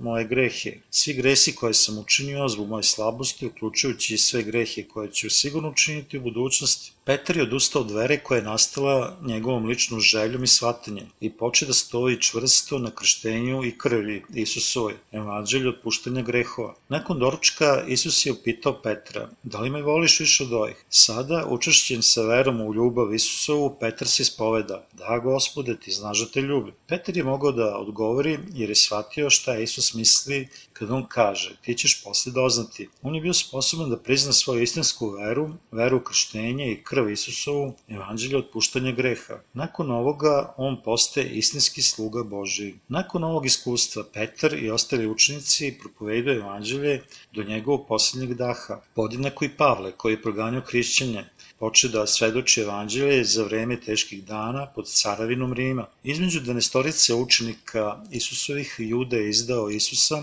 a kasnije se obesio. Njegovo mesto je zauzeo apostol Pavle. Učenici su izabrali novog učenika, Mateja, ali je Bog izabrao Pavla za apostola koji je propovedao evanđelje okajanja greha, zajedno sa ostalim učenicima. Većina učenika je stradala mučenički, čak i kada im je pripretila smrt, nastavili su sa propovedanjem izvornog evanđelja. Oni su možda propovedali ovako. Isus Hristos je oprao sve grehove našeg tela, svojim krštenjem i krvlju, to jest sa svojim evanđeljem otpuštanja greha. Isus je odnao naše grehe sa svojim krštenjem u Jordanu i odnao je presudu za vas na krst. Veru u evanđelje Isusovo krštenje njegove krvi na krstu i bit će spasen. Slušanje izvornog evanđelja i verovanje u njega zaista je spasno mnoge. Sila vere je bila u evanđelju krštenja Isusovog njegove krvi i duha. Učenici su propovedali evanđelje vode i duha, govorili su Isus je Bog i spasitelj, svedočili su evanđelje vode i duha, da bi ti i ja sada čuli evanđelje krštenja i krvi Isusove kao našeg spasenja i time bili spašeni od greha. Zahvaljujući Božoj beskonačnoj ljubavi i Isusovom potpunom spasenju, mi smo svi postali Isusovi učenici. Da li vi verujete ovo? Isus nas je toliko ljubio da nam je dao evanđelje vode i duha, oproštaj od greha i mi smo postali pravedni učenici Isusovi. Da bih poučio istinskom evanđelju, Isus je oprao učenicima stopala. Isus je oprao učenicima stopala da bi proučio njih i nas kako su svi gresi sveta potpuno oprani njegovim krštenjem i krvarenjem na krstu. Zato zahvaljujemo Isusu na njegovoj ljubavi i evanđelju okajanja. Isus nas je poučio dve stvari, pranjem nogu učenicima. Prvo, da kao što im je rekao šta ja činim ti sada ne znaš, ali ćeš posle doznati da su svi naši gresi oprani evanđeljem okajanja, krštenjem Isusovim i njegovom krvlju. Drugo što ih je poučio bilo je da je Isus ponizio sebe da bi spasao grešnike i učinio ih pravednicima. Mi smo rođeni iznova, trebalo bi da služimo ostale propovedajuće evanđelje oslobođenja. To je pravedno da mi koji smo prvi se obratili služimo one koji su došli posle nas. Dva razloga Isovog pranja nogu učenika na dan proslave Paske bile su jasne. I dalje postoje u njegovoj crkvi. Učenik nikad ne može biti veći od svog učitelja. Zato mi propovedamo evanđelje svetu i služimo mu kao da služimo samom Isusu. I mi koji smo spašeni ranije treba da služimo onima koji dolaze posle nas. Da bih tome naučio, Isus je svojim učenicima oprost opala. Nadalje, pranjem Petrovih nogu pokazao nam je da je on savršeni spasitelj, kako nas više nikad đavo ne bi prevario. Vi možete svi da budete spašeni verom u evanđelje okajanja greha, vodom i duhom. Isus je oprao sve naše grehe svojim krštenjem, raspećem i oskrsenjem. Samo oni koji veruju u njegovo evanđelje mogu biti spašeni od greha sveta za uvek. Imati veru u evanđelje kojim su oprani svi naši dnevni gresi. Mi možemo veru u evanđelje okajanja, reči vode i duha, osjeći zanke đavolove. Satana olako vara ljude i stalno im šapće uši. Znajući da ljudsko telo greši, mogu li uopšte biti bez greha? Svi ljudi su grešni. Svejedno mi znamo odgovor, znajući da je Isus svojim krštenjem uzeo sve grehe tela, može li onda vernik da bude u grehu? Isus je platio punu cenu za greh, pa koja je onda cena koja je nama ostala da je platimo? Ako mi ne verujemo evanđelje vode i duha i krvi, tada đavolove reči imaju smisla, ali ako imamo to evanđelje u sebi, možemo imati nepokolebljivu veru i istinitost Božje reči. Mi moramo imati veru u evanđelje ponovnog rođenja vodom i krvlju. Istinska vera je u evanđelju krštenja Isusu, njegove krvi i krsta. On je umro i on je bio raspet. Da li ste ikad videli sliku sa modelom od svetog šatora. To je mali objekat podeljen u dva dela. Spoljni deo je svetinja, a unutrašnji je svetinja nad svetinjama, u kojoj se nalazilo mesto milosti pomirilišta. Tamo je sve zajedno 60 stubova u tremu, a svetinja ima 48 ploča. Moramo zamisliti izgled šatora sastanka kako bismo razumeli Božje reči. Od čega je napravljen ulaz u šator sastanka? Ulaz u dvorište šatora opisan je u izlasku dva, druge Mojsijeve 27.16 a nad vratima od trema zaves od 20 lakata, od porfira i od skerleta i od srca i od tankog platna izvedenog vezenog i četiri stupa za nj i pod njih četiri stopice. Materijal korišten za ulaz u dvorište šatora bio je plave, grimizne i tamnocrvene boje i predenog lana. Bio je to komplikovan kroj i veoma živopisan. Bog je naredio Mojsiju da stavi plavu, grimiznu i tamnocrvenu živopisnu boju kako bi svako lako našao ulaz. Stubovi dvorišta bili su obloženi tom tkaninom. Ta četiri materijala simbolizuju plan Božeg spasenja po kojem će spasti sve koji veruju u njegovog sina, u krštenje i krv Isusovu i u njega kao Boga. Svaki materijal upotrebljen za gradnju šatora sastanka ima je posebno značenje i predstavlja Božiju reč i njegov plan da se spase čovečanstvo kroz Isusa. Sada, e, koliko puno različitih materijala je iskorišćeno za izgradnju svetog šatora. Vezana zavisa od 12 lakata, od plavog ljubičastog i tamno-crvenog prediva i upredenog lana. Ova četiri su vrlo značajna u jačanju naše vere u evanđelje ponovnog rođenja. Da nisu bili važni, ne bi bili tako detaljno zapisani u Bibliji. Svi materijali za gradnju ulaza u dvorište svetog šatora nagoveštavaju osmišljeni značaj našeg spasenja. Stoga Bog otkriva ove stvari Mojsiju i kaže mu tačno šta da učini kao što mu je i rekao. Šta označava plavo, purpurno i tamno-crveno predivo u Evanđelju Božjem? Unutar svetog šatora vezana zavisa od plavo, purpurnog i tamno-crvenog prediva i upredenog lana služili su kao pokrivalo koje je visilo između svetinje i svetinje nad svetinjama. Isti se materijal koristio za šivenje odeće visokog sveštenika koji je obsluživao u svetinji nad svetinjama jednom godišnje. Plavo predivo simbolizuje krštenje Isusovo u 1. Petrovoj 3.21 je rečeno – Za spomen toga i nas sada spašava krštenje. Petar potvrđuje krštenje Isusovo kroz koje je on odneo sve grehe sveta u ovim stihovima što odgovara spasenju sa okajavanjem. Svi naši gresi su prešli na Isusa kroz njegovo krštenje. Stoga plavo predivo krštenje Isusa je najbitniji i osnovni deo reči spasenja. Purpurna boja simbolizuje krv Isusovu i tamno crveno predivo simbolizuje njegovo božansko stanje. Isusa kao kralja i Boga. Ove tri boje prediva su neophodne za našu veru u Isusa i njegovo spasenje. Veličanstvena haljina koju je nosio visoki sveštenik bila je nazvana efod i bila je takođe sva tamno crvena. Visoki sveštenici nosili su turbane na glavi, obložene čistim zlatom i ugraviranim natposom na njemu, posvećen gospodu. Zlatna obluga na turbanu bila je povezana tamno-crvenom trakom takođe. Istina predstavljena plavim predivom. Ja sam pogledao značenje plavog prediva u Bibliji. Šta Biblija kaže o plavom?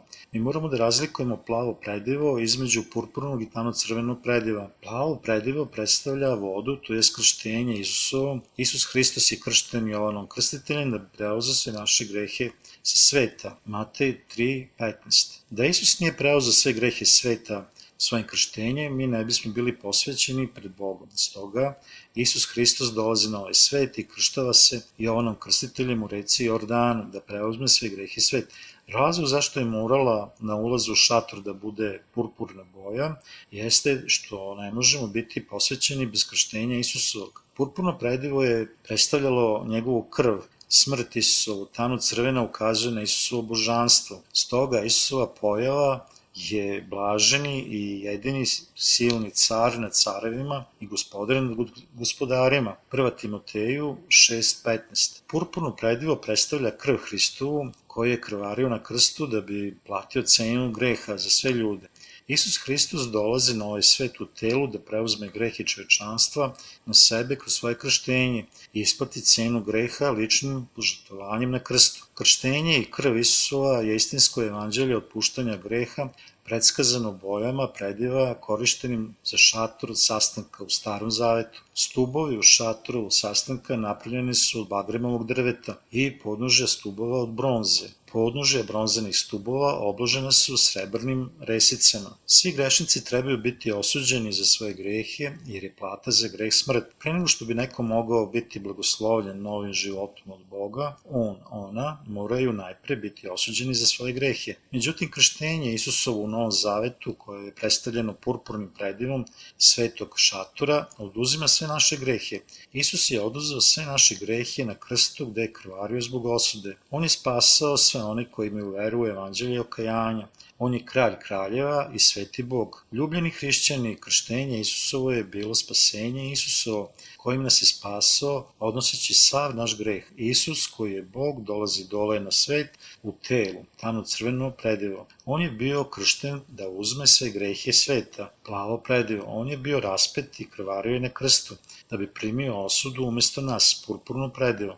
Krštenje Isusa bez sumnje nas uči da je On postao naš istinski spasitelj za čitavo čovečanstvo. Mi takođe to možemo da vidimo i u bojama na ulazu u šator sastanka. Upotreba upredenog lana znači da je spasio sve ljude bez izuzetka od svih greha sveta. Tkanina sa resama, purpurnom, tamo crvenom i plavom bojom na ulazu u šator i lanena zavesa jasno nam ukazuje na istinu spasenja Božeg. To je bilo najvažnije u spasenju praštanje. Iz upotrebljenih materijala na ulazu u šatro sastanka vidimo da Isus nije spasao grešnike stihijski bez plana. Sledio je Boži plan do detalja, bio je kršten i raspet, a on je, onda je vaskrso iz mrtvih i dovršio spasenje ljudi plavom, purpurnom i tamno-crvenom bojom, materijalima evanđelja okajanja, Isus je spasao sve koji veruju u njegovo spasenje. Bronzani lavor starog zaveta bio je senka krštenja u novom zavetu. Lavor je bio takođe urađen od bronze. Bronza predstavlja osudu i spaštanje. Isusovo za nas. Voda u osnovi simbolizuje reč evanđelja kojim nam je rečeno da su svi naši gresi oprani. Ona pokazuje na koji način su naši svakodnevni gresi odneti. Ono je samo prikaz istine kako se svakodnevni gresi ljudi mogu oprati verom u reč krštenja Isusovog. Žrtvenik za živu paljenicu predstavlja osudu. Voda Isusova Plava boja evanđelje za opraštanje greha, krštenjem Isusovim primljenim od Jovana Krstitelja, Matej 3.15, 1. Jovanova, 5. glava, 5 do 10. To je rečeno uh, reč svedočanstva, evanđelja, spasenja i oproštaja. U 1. Jovanovi 5 je zapisano Vera je naša ova pobeda koja pobede svet i troje jedno što svedoči na zemlji, duh i voda i krv i troje zajedno. Ovo nam takođe ukazuje da svako ko veruje u Sina Božijeg ima svedočanstvo vode, krvi i duha u njemu. Bog nam je dopustio da budemo posvećeni kroz svoju veru u evanđelje praštanja i mi da uđemo u šator sastanka. Stoga mi sad možemo živeti u veri, biti nahranjeni rečima Božijim, biti blagoslovljeni njime i živeti životom pravednika. Postati narodom Božijim znači da trebamo biti spašeni verom u evanđelje okajavanja i živeti u šatru sastanka. Mnogi danas kažu kako je dovoljno samo verovati bez razmišljanja o značenju plave, purpurne, tamno-crvene boje, na zavisi od ulaza u šator. Ako neko veruje Isusa bez poznavanja ovoga, njegova vera nije istinska, jer još uvek ima greh u srcu ta će osoba još uvek imati greha u srcu jer nije verovala u istinu novog rođenja, evanđeljem ukajanja, u vodi, krvi i duhom. Ako bi neko bio upitan da proceni drugog kojeg jedva poznaje, da bi udovoljio slušatelju, reći će da verujem toj osobi premda ga nikad nisam susreo, ipak mu verujem. Misliš li da će to slušatelj rado da čuje? Možda bi neko od nas i rado čuo tako nešto, ali to nije ovo poverenje koje Bog želi da imamo. Bog želi da verujemo u evanđelje okajanja, greha, spasenje, Isusovo kroz plavo, Isusovo krštenje, tamno-crveno, Isusovo božanstvo i purpurno, Isusova krv predivo. Mi trebamo da znamo, pre nego što poverujemo u Isusa, kako nas je On spasao od svih grehova. Kada mi verujemo u Isusa, mi bi trebalo da znamo kako nas je spasao od svih grehova, kroz vodu, krštenje Isusovo, krv, njegovu smrt i duha, božanstvo Isusovo. Kada istinski shvatimo ovo, možemo iskusiti istinsku i potpunu veru. Naša vera neće biti nikada dovršena bez poznanja ove istine.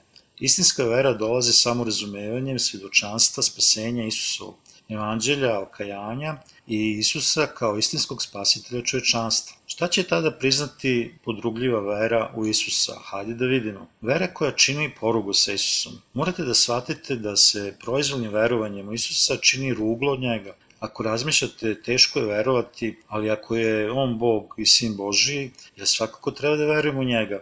Tada se vi rugate Isusu. Ako vi zaista želite da se rodite iznova, vi morate verovati u krštenje i krv Isusovu, evanđelje okajanja. Verovati u Isusa bez poznavanja evanđelja okajavanja je gore nego uopšte ne verovati u Isusa. Propovedati evanđelje samo krv Isusove uzaludno je jer nema poznavanja istine. Isus ne želi da bilo ko šeta naokolo i propoveda proizvoljnu veru u njega. On želi da verujemo u njega poznavajući evanđelje okajanja. Kada mi verujemo Isusa, mi moramo da prihvatimo evanđelje okajavanja putem krštenja i krvi Isusove. Kada mi verujemo Isusa, mi moramo shvatiti evanđelje okajavanja kroz njegovu reč i znati detaljno kako je on opro sav naš greh. Mi takođe moramo da znamo šta predstavlja plava, purpurna i tamo crvena boja u predivu na vratima šatora sastanka. Tada mi možemo imati istinsku veru koja će trajati večno. Mi nikada nećemo biti rođeni iznova bez vere u Isusa, realizacije plavog, purpurnog i tamno-crvenog prediva.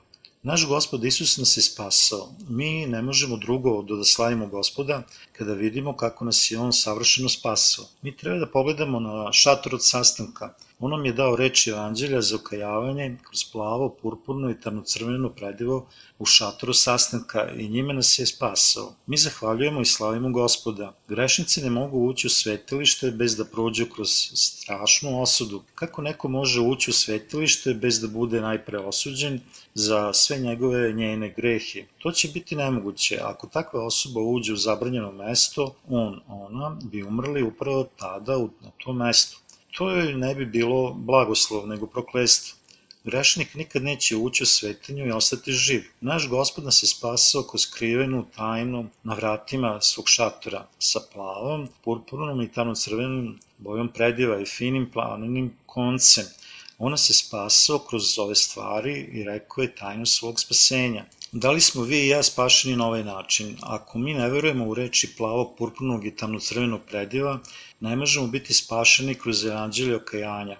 Plava boja ne predstavlja Boga, to simbolizuje ništa drugo osim krštenja Isusova. To je krštenje Isusa, koji je odnos sve naše grehe. Neko bez vere u plavo predivo može ući i doći do oltara za žrtvu paljenicu, međutim ne može ući u svetinju gde Bog prebiva. Stoga pre nego što uđemo na vrata šatora, mi moramo verovati u plavo predivo, krštenje Isusovo, purpuno predivo, njegova krv na krstu i tamno crveno predivo, Isus je božanstvo i sin Boži.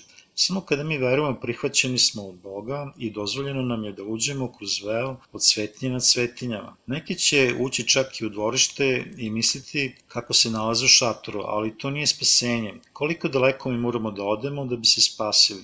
Mi moramo da budemo sposobni da uđemo u svetinju nad svetinjama. Da bi ušli u svetinju nad svetinjama, moramo proći bronzani bazen. Bazen bronzani predstavlja krštevanje Isusovo i moramo oprati sav naš dnevni greh sa krštenjem Isusovim i postati posvećeni da uđemo u svetinju. U starom zavetu sveštenici su prali sebe pre ulaska i u Novom Zavetu Isus je opro noge svojih učenika, što simbolizuje pranje od njihovih doživotnih prestupa. Zakon Boži kaže, jer je plata za breg smrt, a dar Boži je život večni u Hristu, Isusu, gospodu našem. Rimljani 6.23 Bog osuđuje grehe čoveka bez izuzetka, ali on je preneo na svog sina i presudio njemu umesto nama. To je ljubav Božija, njegovo spasenje. Istinsko spasenje i okajanje samo kada mi verujemo u evanđelje okajanja koje sadrži krštenje, krv, smrt i vaskrsenje Isusovo. Da bi se nanovo rodili, ne treba nikada preziremo biblijsku istinu evanđelja okajanja greha. Nikada ne prezirem druge ljude. Kada neko priča o nečemu što mi nije poznato, zapitam učtivo njega, nju, da li mi to i objasni. Ali kad sam se raspitao o značenju svetog šatora, nika nije znao da mi kaže. I šta sam mogao da učinim? Morao sam da se vratim Bibliji, gde se u Bibliji govori o svetom šatoru. To je detaljno opisano u knjizi izlaska. Ako neko čita tu knjigu, pažljivo razumeće značenje kroz zapisane reči Božije. Dragi prijatelji, vi ne možete biti spašeni nemarnom verom u Isusa. Vi se ne možete iznova roditi samo putem regulisanog posvećivanja crkvi. Mi znamo šta je Isus rekao Nikodimu. Zaista, zaista ti kažem, ako se ko ne rodi vodom i duhom, ne može ući u carstvo Božije. Ti si učitelj Izraeljev i to li ne znaš? Jovan 3, 5, 10. Svi oni koji veruju u Isusa moraju verovati u plavo predivo. Svi gresi sveta su prešli na Isusa prilikom njegovog krštenja. Purpurnog prediva, smrt Isusove za sve naše grehe. I tamno crvenog prediva, Isus je spasitelj, Bog i Sin Boži. Mi moramo verovati da je Isus spasitelj svih grešnika sveta. Bez ove vere niko nikad neće biti iznova rođen, niti može ući u svetinju Carstva Bože. Niko na svetu ne može biti veran bez vere u ovo. Da li bi bilo previše lako ako bi neko bio rođen iznova, imajući samo veru u Isusa? Da, ti si spašen, ja sam spašen, mi smo svi spašeni, kako je lepo ali ovde je mnogo onih koji veruju u Isusa bez da su zaista rođeni iznova. Mi moramo znati da je izvor istine u Bibliji ako imamo vere u Isusa. Mi moramo da razumemo evanđelje opuštanja greha u Bibliji i značenje plavog, purpurnog i crvenog prediva da bi ušli u šator sastanka i bili sa Bogom u carstvu vere. Unutar šatora vere mi možemo živeti srećnije do vremena kada Isus ne dođe iznova da bi nas odveo u njegovo carstvo. To je najbitnije za nas, da bi verovali u Isusa na pravi način. Izvorno evanđelje počinje posvećivanjem sa plavim predivom. Ljudi misle da mogu živeti savršeno i da ne čine propusti. Međutim, koliko se više trude da čine dobro, uskoro još više otkrivaju sve nedostatke. Ljudska bića su nesavršena, stoga je nemoguće za njih da ne greši. Međutim, Isus nas je spasao sa plavim, purpurnim i tamnocrvenim predivom, evanđeljem okajanja, koji možemo biti posvećeni i ući u sveto mesto Bože. Da nas Bog nije spasao sa plavim, purpurnim i tamnocrvenim predivom, mi sami nikad ne bi bili sposobni da uđemo u sveto mesto. Nema ni jednog koji bi bio kvalifikovan. Kada neko veruje u Isusa bez poznavanja istinskog evanđelja, taj samo dodaje više greha u njegovo, njeno srce. Isus nas je spasao pažljivo planiranim spasenjem, plavim, purpurnim i tamno-crvenim predivom i finim lanenim koncem opre sve naše grehe, da li verujete u ovo? Da. Da li imate istinsko evanđelje oslobođenja u vašem srcu i nosite li svedočanstvo za to? Da. Samo kad vi nosite svedočanstvo evanđelja, možete postaviti na vaše čelo zlatnu pločicu koja govori posvećen gospodu i pridružiti se kraljevsko sveštenstvu 1. Petrova 2.9. Samo tada vi možete stati pred ljude i reći im da ste sluga Boži koji radi kao kraljevski sveštenik. Turban visokog sveštenika je obložen zlatom i pričvršćen je s plavom gajtanom. Zašto plavim? Jer Isus nas je spasao sa evanđeljem okajanja, odno je sve naše grehe i učinio nas bezgrešnim kroz svoje krštenje. Krštenje u Novom Zavetu podudara se sa polaganjem ruku u Starom Zavetu. Nije važno kako marljivi i verni bili sa verom u Isusa, mi ne možemo biti sposobni da steknemo pločicu ugraviranu sa posvećen gospodu, bez razlikovanja tajnih reči u plavom, purpurnom i tamnocrvenom prediju. Kako mi postajemo pravednici, to je zapisano u Mateju 3.15. Jer tako nam treba ispuniti svaku pravdu. Isus je bio kršten i spasao nas od svih grehova sveta kroz svoje krštenje. On je oduzeo sve naše grehe i mi verujući postali smo pravedni. Kako bi mogli da kažemo da smo bez greha, da nije bilo Isusovog krštenja? Čak ako bi mi verovali u Isusa i plakali, misleći o njegovoj smrti na krstu, sve suze ovog sveta ne bi mogli da operu naš greh. Ne, nije važno koliko mnogo mi plačemo i okajavamo. Naši gresi će ostati sa nama. Posvećen gospodu, od kada je on odnos sve naše grehe svojim krštenjem i krvlju, gospod dopušta da svi gresi se grešnika pređu na Isusa. I zato je reč spasenja zapisana u Bibliji mi se opravdavamo kroz našu veru, uprkos e, svoj našoj nepravednosti i slabosti. Prema tome, mi možemo stati pred Boga, mi sada možemo živeti kao pravedni i propovedati evanđelje u svetu. Ti si spašen, ja sam spašen, mi smo svi spašeni. Mi smo se spasili saglasno Božijom milostivom planu. Bez reči evanđelja okajavanja u našem srcu nema spasenja. Bez obzira sa koliko težine vi pokušavali, to je slično popularnoj pesmi iz Koreje, o neuzraćenoj ljubavi. Oh, moje srce kuca brže bez razloga, kada god je vidim svaki dan, sam njoj bliži. Mora biti da mi ljubav nije uzraćena. Moje srce kuca jače, ali ne i njeno. Moja ljubav nikad nije uzraćena. Na nesreću, mnogo hrišćana još uvek ne uzraća ljubav prema Bogu. Ljudi su skloni da misle da spasenje dolazi na mnogo različitih načina za mnoge različite ljude. Oni pitaju zašto treba tome doći samo kroz evanđelje sa krštenjem. Međutim, oni nikad neće biti potpuno spašeni ako nemaju evanđelja i svog krštenja. To je jedini put koji možemo postati pravednici pred Bogom. Zato što je to jedini put kojim mi možemo biti potpuno očišćeni od svih naših grehova. Šta je spasenje plavog prediva koje nam je Isus dao? Spasenje kroz evanđelje plavim, purpurnim i tamno-crvenim predivom je Boži dar čitavom čovečanstvu. Taj poklon nas je osposobio da uđemo u sveti šator i živimo u miru. To nas je učinilo pravednima, osposobilo nas da živimo u crkvi i da budemo obrazovani svetim pismom kroz crkvu. Kada god krenemo pred Boga radi molitve, evanđelje nas blagoslovi njegovom ljubavlju. Zato je nama spasenje tako jasno. Isus nam je rekao da izgradimo kuću na steni, stene evanđelja i njegovog krštenja. Mi trebamo svi da se spasimo, da živimo sa spasenjem, odemo u nebo, steknemo večni život i postanemo deca Božja. Dragi prijatelji, zahvaljujući evanđelju okajanja, mi smo sposobni da uđemo u sveti šator sa verom, zahvaljujući pranju od svih naših grehova, krštenje Isusovom i osude na krstu. Mi smo spašeni verom u evanđelju krštenja Isusovog bogatstvo okajanja za sve naše grehe, krštenje i krv Isusova, jeste evanđelje koje je oprlo sve naše grehe. Da li vi verujete u ovo? Istinsko evanđelje je nebesko evanđelje okajanja kojim su potpuno oprani svi naši gresi. Mi smo bili rođeni iznova verom u evanđelje okajanja. Isus nam je dao evanđelje okajavanja kojim su oprani svi naši svakodnevni gresi i podjednako svi budući gresi. Slavimo gospoda, aleluja!